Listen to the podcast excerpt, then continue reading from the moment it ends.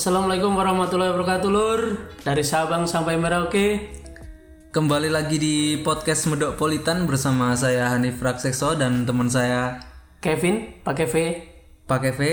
Eh, Kembali lagi di podcast yang sehari-hari kita akan bahas hal-hal yang sesuai dengan eh, keadaan kita saat ini. Yoi Ah, berhubung weekend, ini mau bahas apa ini? Weekend ngapain aja BTW, Vin?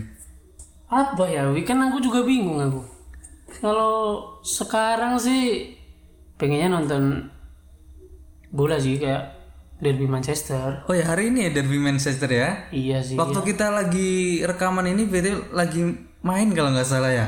Ya Coba cek skornya, Vin.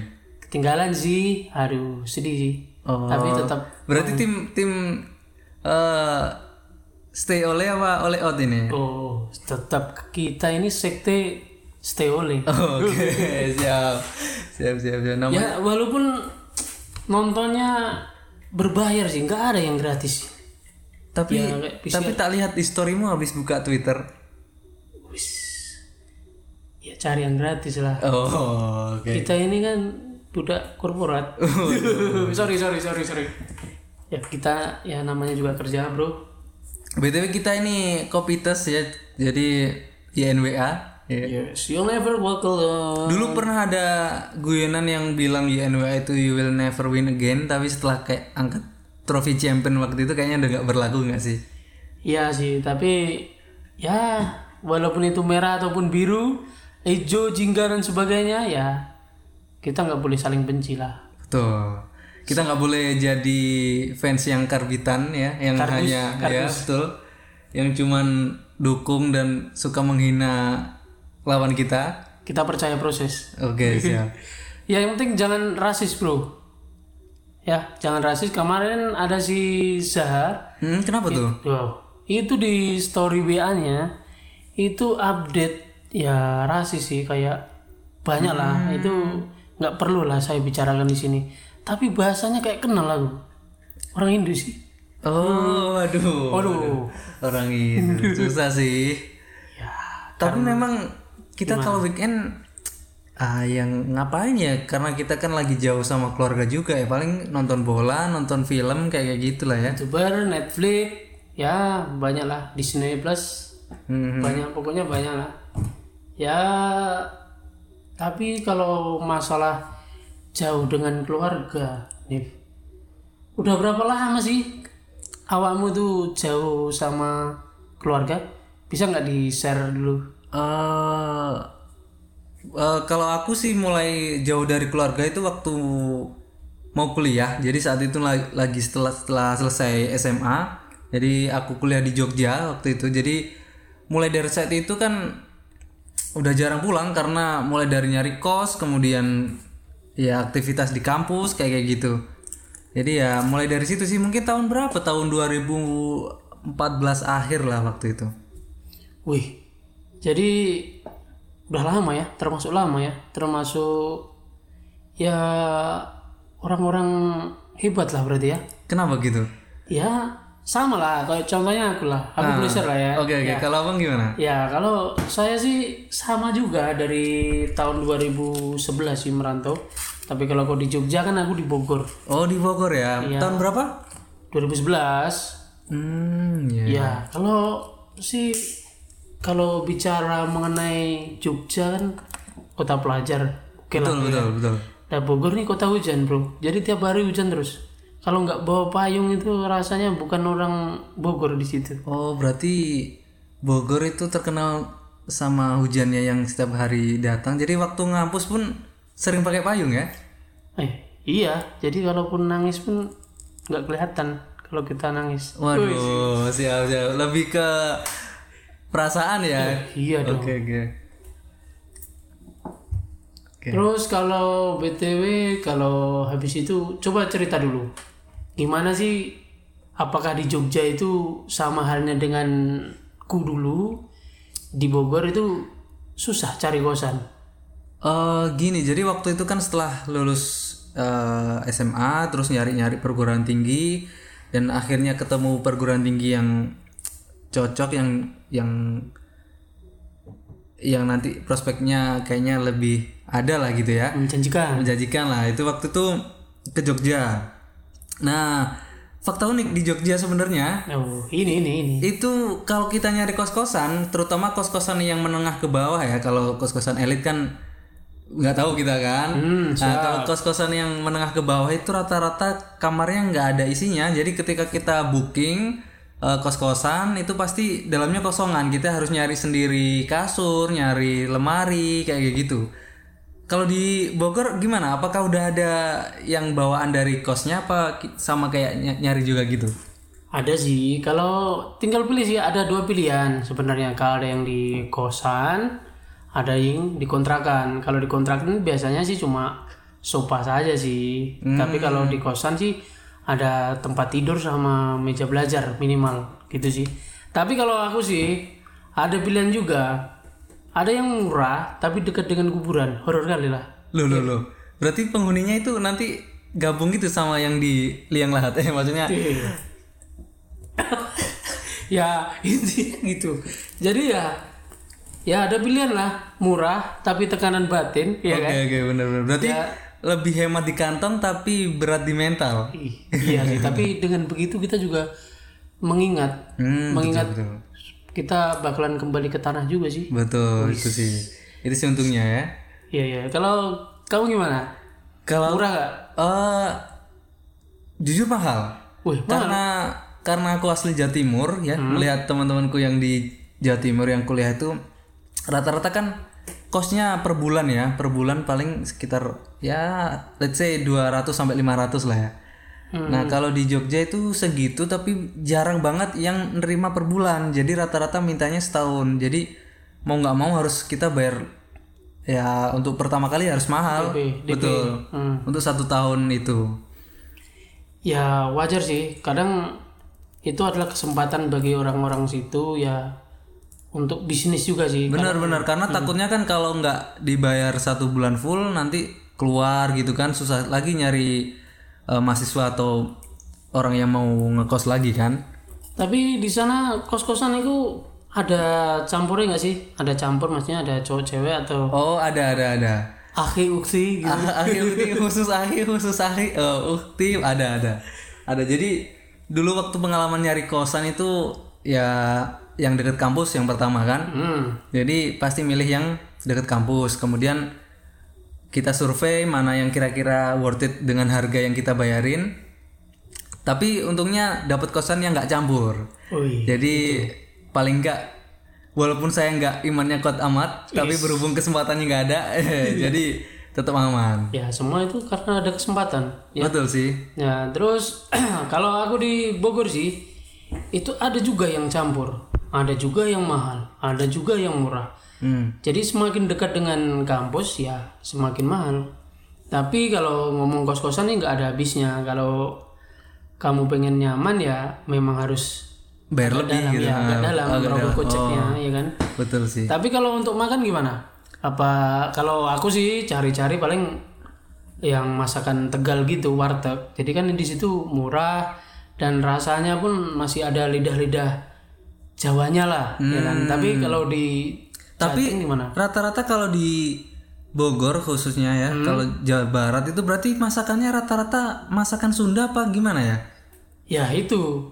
Ya berhubung jujur saja saya, tapi kalau ngomong bahasa Sunda kan agak susah. Saya kan lidah-lidah Jawa ya, tapi paling pakai bahasa Indonesia. Tapi yang paling saya cari ya paling kalau nggak Lamongan, Hmm, sate, warteg gitu. Oh, Karena tahulah sendiri eh, dana kita ini kan Oh, nggak- Oke, perantau ya, perantau, ya. perantau itu betul, kan. Betul. Ya paling kalau akhir bulan ya Warmindo, ya gitu Oke, oke, Warmindo ya. teh hangat. Ih, Betul, betul. Kalau di Jogja itu karena kalau warung-warung itu kayaknya udah jarang banget sih ditemuin karena dikuasai sama burjo. Jadi di sana itu warung Mindo itu letaknya itu paling setiap 50 meter atau 100 meter ada yang ada warung lagi. Jadi untuk buka warung yang bukan warung Mindo kayaknya agak sepi karena nggak tahu kenapa kalau mahasiswa itu sukanya di burjo itu sih kalau kami sebutnya. Jadi di situ murah sih. Paling paling nggak nasi telur kayak gitu jadi walaupun nggak ada uang tapi tetap bisa makan Siap. Jadi kalau di Jogja nih, saya kan ya pernah sih ke Jogja, tapi kan lebih lama awakmu kan, Nip. betul Itu coba kasih tahu ke barangkali ada kawan-kawan kita yang mau menempuh ke jenjang kerja di Jogja atau menempuh pendidikan di Jogja. Kayaknya yang mana sih recommended untuk makanan yang enak itu kayak burjo tadi?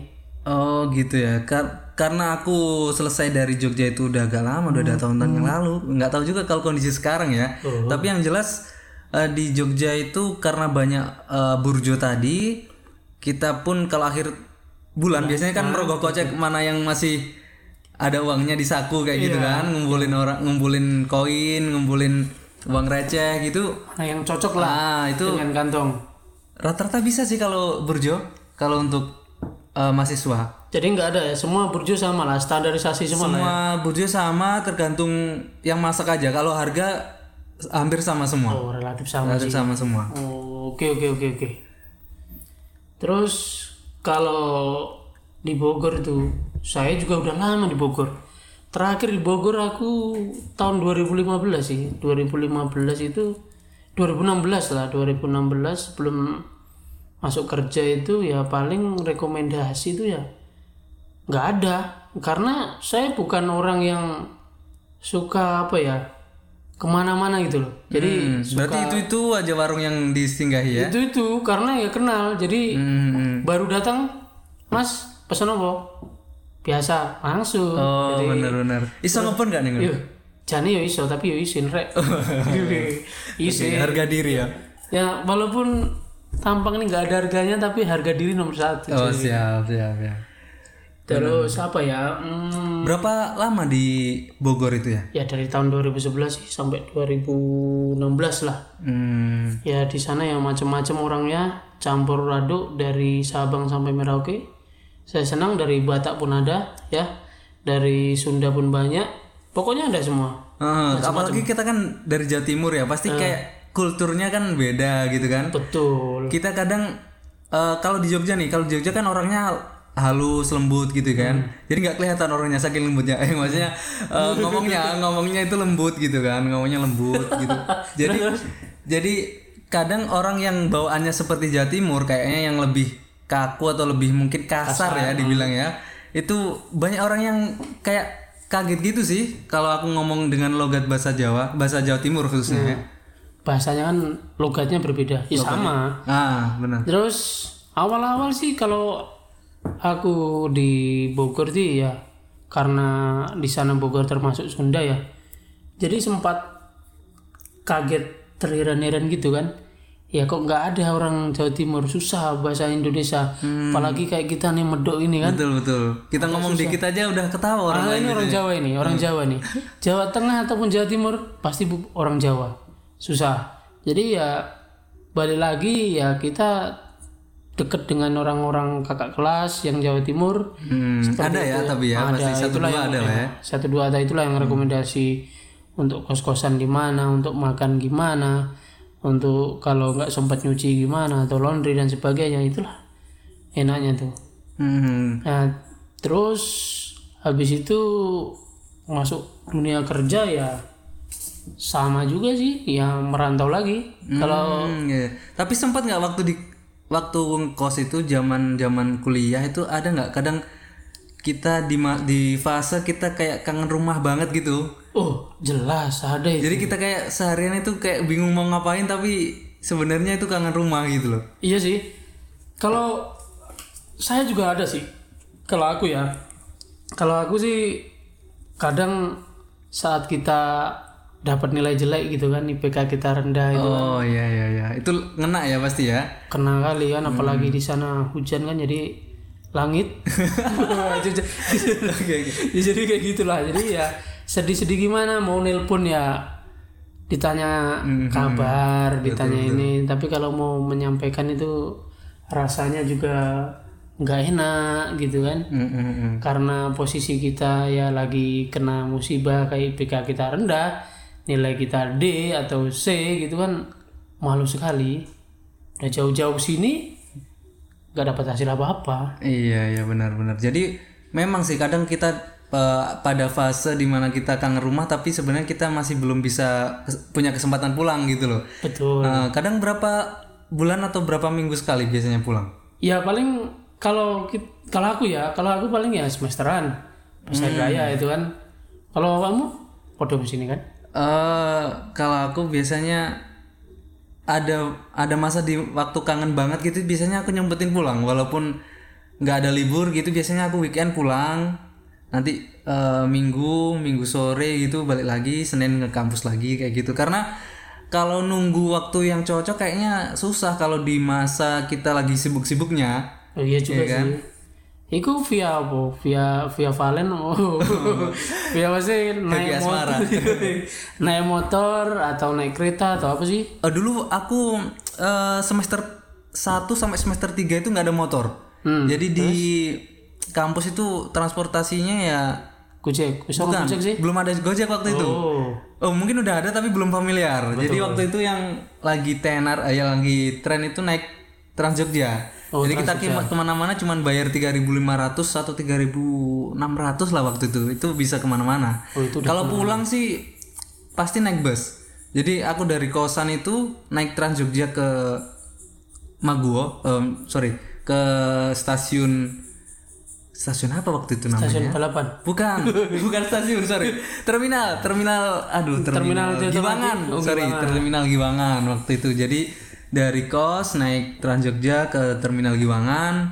Nah, habis itu langsung eh, Surabaya, Surabaya, Surabaya. Ah, itu berarti bus yang cocok lah waktu itu. Kalau dirimu apa? Kalau pulang biasanya naik apa? Ya naik kalau pesawat. Wis, gak ada bandara di Madiun. Oh, iya iya. ya kalau aku sih apa ya naik bis sih.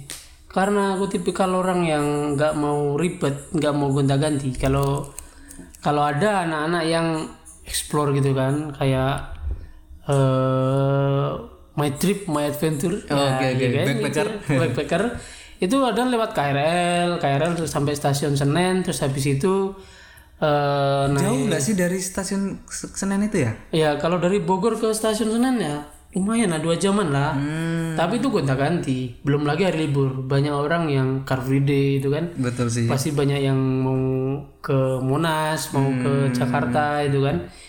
Terus tapi kalau bener-bener malas sih paling saya ke apa ya ke terminal lupa aku terminalnya apa namanya lupa udah lama Hmm, udah lama. Gula kalau nggak salah. Itu kalau di terminal itu itu ada namanya bis eh, Gunung Harta. Itu ke mana rutenya dia? Gunung Harta rutenya Ponorogo ya. Oh, Ya, Ponorogo Surabaya juga ano. Oh, ya kan? bener bener. Itu Jadi- patas nggak itu ya?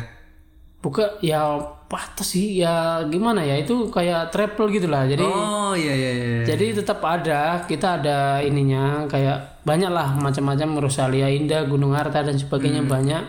Saya pilih itu karena nanti jatuhnya turunnya sih ke Terminal Madiun dan itu pasti lebih lebih dekat lah. Nanti kakak gua aja sih, mas gua aja yang ambil Oh, langsung jemput gitu ya. langsung jemput. tapi tapi sebenarnya yang lebih enak sih kereta kalau kereta itu pemandangannya lah banyak. Bener bener. Pemandangan di luar kereta juga eh, bagus kadang kan, kadang eh, yang duduk di sebelah kita juga cantik ya maksudnya kadang eh, Ya, ada kawan ngobrol gitu loh. Yo, tapi selama aku naik kereta itu selalu zoom. Kalau nggak orang tua, anak-anak Waduh, berarti nggak hoki ya? nggak oke, nggak pernah oke. Susah, susah. Tapi sekarang kereta kemajuan luar biasa. Betul, betul. Di sana udah Dulu sempat nggak sih? eh, naik kereta waktu masih berjubel? Wah, sering itu pasti ada Hmm, benar. Dulu kan jualan pecel, benar, benar. terus Di dalam ayam, itu kambing. ada pasar gitu di dalam itu. Pasar itu kalau lewat udah lewat Solo, ba- balapan dan sebagainya itu udah mau Jawa Tengah, itu udah banyak pedagang-pedagang gudeg, Hmm. nasi pecel. Itu dia di dalam kereta ya? Iya, jadi setiap stasiun berhenti mereka masuk, Hmm. menjanjakan kereta, ngamen.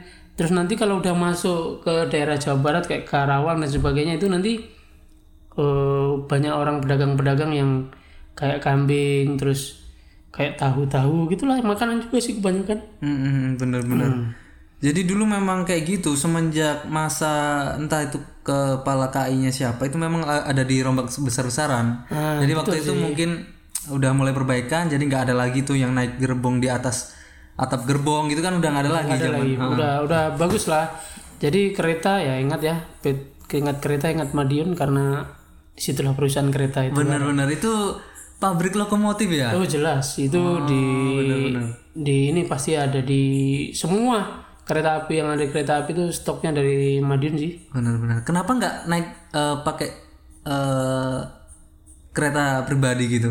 Wih, kereta apa nih Nggak maksudnya kereta kereta KI tapi yang khusus untuk masyarakat Madiun itu nggak ada ya?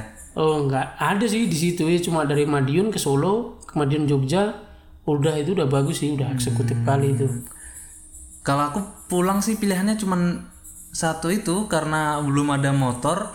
Jadi waktu pulang selalu naik naik bus ya, naik bus. Bus apa iki? Ah, itulah yang bus yang di jalannya di jalan kayak mabuk itu, bus Sugeng Rahayu, Sugeng Rahayu, Sumber Kencono, Sumber Selamat. sumber selamat itulah. Itu kalau aku kalau pulang itu kan malam tuh. Hmm. Biasanya kan kalau malam pasti tidur kan. Nanti pulang-pulang udah udah bangun, bangun udah pulang eh, udah udah sampai gitu kan waktu bangun. Tapi sempat eh, di waktu perjalanan itu eh waktu malam itu bangun, terbangun lihat orang eh, lihat supirnya bawanya kayak gitu jadi nggak bisa tidur lagi. Uh, itu. Memang ngeri kali. Ya, memang itu sih ngejar setoran juga kita nggak tahu ikan ya. Bener-bener. Mereka juga ngejar jam terbang, setoran juga mereka. Itu sih mungkin yang jadi bisa dikritik karena jam kerja itu jangan terlalu mepet lah. Kasihan kalau memang eh, mepet ya mungkin eh, armadanya ditambah atau seperti apa. Jangan sampai keselamatan orang di dalamnya itu ya dianggap sepele gitu loh. Betul, karena ya balik lagi kita pulang dan pergi itu kan paling ya Pulangnya memang untuk berjumpa gitu. iya pulangnya untuk berjumpa ada yang merindukan kita lah gitu kan Iya pastilah. Berarti semenjak setelah kuliah itu langsung kerja atau sempat pulang dulu apa gimana? Kalau aku sih langsung kerja ya, itu ada tawaran dari perusahaan ya, yang saya sekarang kerja ini. Perusahaan itu nawari saya lewat email, jadi ya saya mencoba. Eh, alhamdulillah lolos. Hmm. Jadi setelah itu langsung Jadi nggak sempet nganggur ya berarti setelah kuliah ya? ada lah empat bulan. Ya itu ya untuk download film, nonton YouTube ya. kan. Berarti memilih untuk tidak ngapa-ngapain sebenarnya. ya mencoba untuk eh, mengkosongkan, merefresh dulu otak itu. Capek juga sih mikir skripsi. Iya pasti. Kalau awakmu gimana? Kalau aku setelah kerja kan, eh setelah kerja, setelah kuliah kan memang eh, di tempat saya kuliah itu kan memang ada kerja sama sama perusahaan-perusahaan gitu. Nah, alhamdulillah saya masuk ke salah satu perusahaan yang kerjasama sama perusahaan perguruan tinggi itu gitu.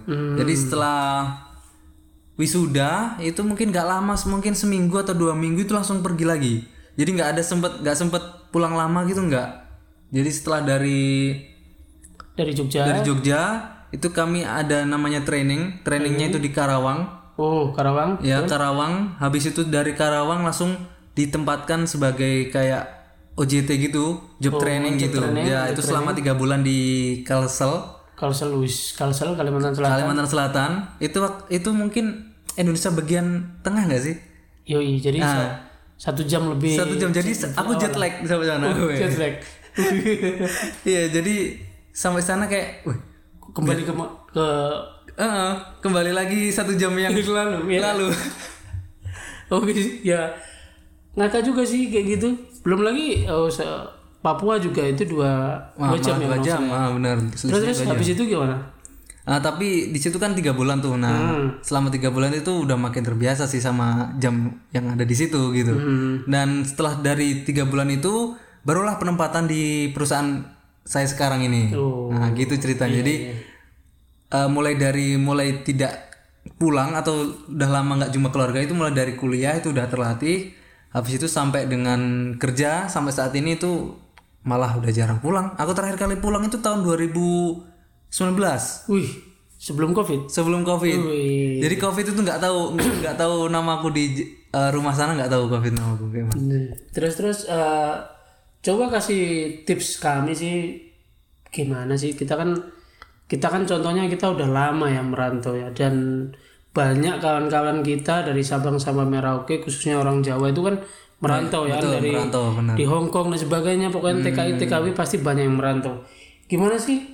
Biar nggak terlalu mikirin keluarga itu tipsnya. Ah, gini jadi keluarga tetap dipikirin tapi jangan sampai mengganggu pekerjaan. pekerjaan gitu. Jadi aktivitas kita itu tetap fokus ngejalanin kerjaan tapi sekali-kali memang kita harus mikirin juga gitu loh. Kalau tipsnya biar nggak terlalu mikirin itu ya kita isi dengan hal-hal positif dong tentunya dong. Kayak misalkan olahraga Wis. atau mungkin ngambil lembur enggak ngambil lembur kan menyiksa diri namanya. Oh, menyiksa diri jangan-jangan kalau memang ya kalau mau capek tidurlah Ah, benar, benar. Itu aja sih tipsnya. Kalau misalkan memang lagi kangen ya sempatkan kita telepon mungkin kan, video call video ya call mungkin eh, kalau zaman sekarang kan lebih mudah tuh. betul Jadi kita ya alhamdulillah tidak kekurangan kuota lah istilahnya untuk telepon gitu kan. banyak gratisan lah Yang gratisan. Jadi ya kalau memang ada kesempatan walaupun sejam dua jam dalam satu hari itu ya kenapa tidak untuk telepon keluarga gitu sih. betul juga sih Jadi eh, kita nggak terlalu apa ya hilang fokus karena meng- memikirkan keluarga, tapi kita tahu kabarnya gimana, tahu keadaannya di sana seperti apa gitu sih.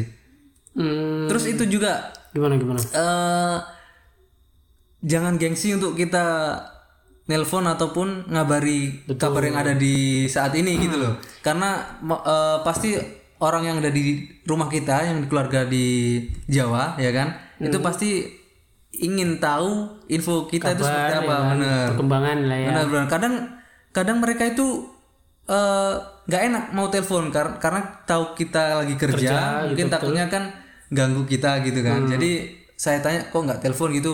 Nggak sampai sibuk terus nggak? Nah, itu kan jadi serba nggak enak. Kita mau Benar. nelpon nggak enak, mereka mau nelpon hubung kita juga nggak enak ya kan. Iya benar benar. Tapi sih eh, ya walaupun bener katamu ya, Nip ya. Jadi nggak perlu sungkan atau gengsi lah. Jadi segala macam kondisi kita, kita lagi down, nilai kita nggak bagus, Habis dimarahin habis dimarahi atasan, bos, iya, ya kan. Terus lagi banyak masalah di pekerjaan, ya kita harus memberikan kabar gitu. Kalau memang nggak bisa nggak bisa sharing ya kasih kabar positif. Alhamdulillah baik, semua doakanlah. Benar-benar jangan sampai eh, orang tua atau keluarga kita yang ada di rumah itu jadi merasa ikut beban dari pikiran kita gitu. betul sekali betul sekali terus eh, ya kalau memang ada kesempatan sih kan kalau ada kesempatan sih mungkin ya Harus pulang ya. harus pulang lah cuti kalau memang cuti ya ambil cuti apalagi pasti perantau pasti ngerasa lah. Itu eh, yang di perbatasan misal tentara ya kan? Atau polisi yang lagi berjaga itu kan pasti eh, ada yang namanya cuti. Kalau memang cuti ya pulang. Ah, ah, manfaatkan cuti gitu kan ya. Karena bagaimanapun kita kan walaupun bus- bisa dianggap dewasa dalam tanda kutip untuk mencari nafkah sendiri, betul tapi kan kita juga bagian dari keluarga gitu loh. Iya, Jadi jangan sampai kita eh, melupakan kedekatan kita sama keluarga gitu. Ya, intinya gini, setua atau sedewasa apa pun Anda, setinggi apa pun jabatan Anda, tetap menjadi bagian yang selalu dirindukan oleh keluarga Anda. Wis, gitu kan? Benar-benar. Agak bijak juga hari ini. Gara-gara ya itulah terus. Eh, ngomongin eh, kesempatan kita cuti itu jangan sampai me- eh, bukan, maksudnya jangan sampai kita eh, menghiraukan 3M. Apa tuh 3M? Apa mencuci masker atau Bukan, bukan itu kan Covid biasanya Oh, kan. Covid, Nah, ini beda. Kalau 3M ini adalah mengabari, kemudian mendoakan dan kalau ada kesempatan mengunjungi. Siap. Itu suatu singkatan yang baru lah, ya kan? Karena kita udah bosen nggak sih kalau memakai masker, menjaga jarak. ya itu udah bosan kalau perlu berita-berita tentang covid itu udah dihilangkan lah Iya benar. Jadi ada sedikit ya kayak kita harus niru Jepang lah.